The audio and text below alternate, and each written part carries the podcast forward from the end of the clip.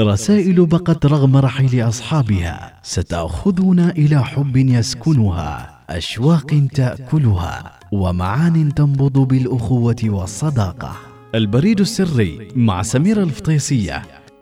ارتبط ريتشارد قلب الأسد في المخيلة العربية بالشجاعة والنبل في مواجهاته مع القائد العظيم صلاح الدين الأيوبي. اللي فاقه نبلا حتى أنه أرسل طبيبة لعلاج الملك الإنجليزي الشهير بعد أن تواجها بأرض المعركة. ولكن حياة ريتشارد قلب الأسد الذي أطلق عليه هذا اللقب بسبب سمعته كمحارب وقائد كبير. أعقد من علاقته الفريدة مع صلاح الدين الأيوبي إذ تمتلئ حياة الملك الإنجليزي بالمغامرات والمؤامرات وخيانات شارك بها ضد أقرب الناس إليه وصولا إلى نهايته الغريبة بالنسبة لملك ذا عصيته في الشرق والغرب. ويعد صلاح الدين الأيوبي المؤسس الفعلي للدولة الأيوبية وبطلا من أبطال العروبة. مع كونه كردي الأصل فقد اختاره العاضد آخر الخلفاء الفاطميين للوزارة وقيادة الجيش ولقبه بالملك الناصر لأنه نجح في صد الصليبيين عندما هاجموا دماط وقد عمل صلاح الدين بعد ذلك على تدعيم النفوذ السني داخل مصر الفاطمية. ومن بين الرسائل التي كانت بين صلاح الدين الأيوبي وريتشارد قلب الأسد رسالة ملك الإنجليز الموجهة إلى صلاح الدين عن طريق أخيه الملك العادل حيث قال إن المسلمين والفرنج قد هلكوا وخربت البلاد. وخرجت من يد الفريقين بالكلية وقد تلفت الأموال والأرواح من الطائفتين وقد أخذ هذا الأمر حقه. وليس هناك حديث سوى القدس والصليب والبلاد. والقدس فمتعبدنا ما ننزل عنه ولو لم يبق منا واحد. وأما البلاد فيعاد إلينا منها ما هو قاطع الأردن. وأما الصليب فهو خشبة لا مقدار له عندكم وهو عندنا عظيم. في من به السلطان علينا ونصطلح ونستريح من هذا العناء الدائم. أما عن جواب صلاح الدين لملك الإنجليز على الرسالة السابقة حيث قال القدس لنا كما هو لكم وهو عندنا أعظم مما هو عندكم فإنه مسرى نبينا ومجتمع الملائكة. فلا يتصور أن ننزل عنه ولا نقدر على التلفظ بذلك بين المسلمين. وأما البلاد فهي أيضا لنا في الأصل واستيلاؤكم كان طارئا عليها لضعف من كان بها من المسلمين في ذلك الوقت. وما أقدركم الله على عمارة حجر منها ما دامت الحرب قائمة. وما في أيدينا نحن منها نأكل بحمد الله وننتفع به.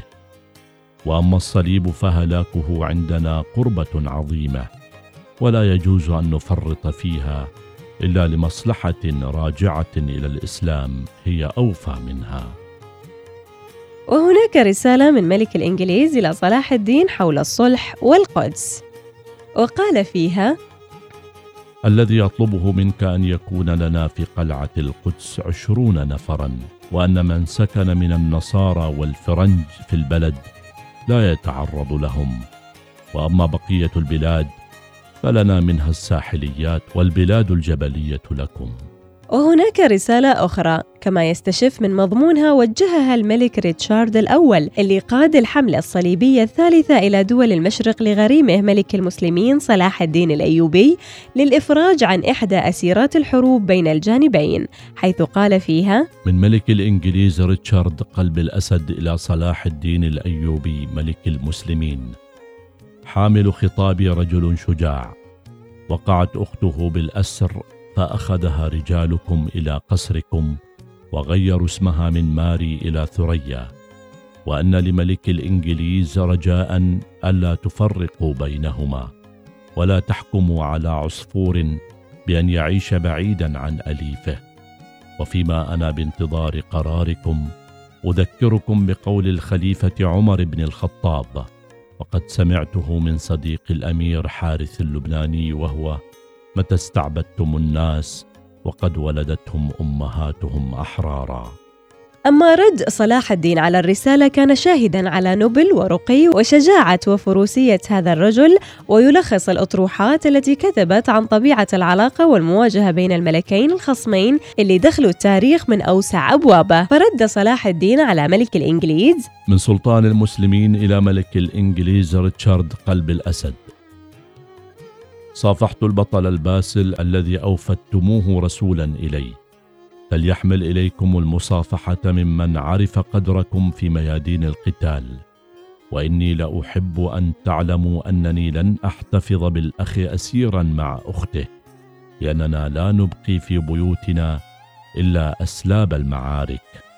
لقد أعدنا الأخ لأخته وإذا عمل صلاح الدين بقول عمر بن الخطاب فلكي يعمل ريتشارد بقول عيسى فرد أيها المولى الأرض التي اغتصبتها إلى أصحابها عملا بوصية السيد المسيح عليه السلام.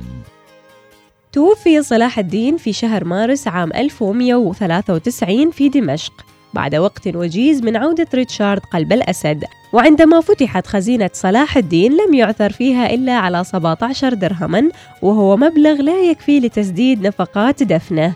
بعدما كان تبرع بجميع أمواله لأعمال الخير توزعت مملكته بين أبنائه وأقاربه ولم تلبث أن انهارت على يد المماليك لكنه حقق مجدا كان كفيلا بتخليده على مدى التاريخ. أما ريتشارد فمات عندما تعرض للإصابة برمح عن طريق الخطأ. مما أدى إلى اعتلاله ثم موته. وقد صفح عن الرامي كما صفح عن أخيه جون بلا أرضه وعينه وريثا له رغم أن الأخير حاول الانقلاب عليه في غيابه. العديد من قادة أوروبا الصليبية قادوا الحملات لكن مواجهة ريتشارد مع صلاح الدين جعلته أشهرهم على الإطلاق. البريد السري مع سميرة الفطيسية.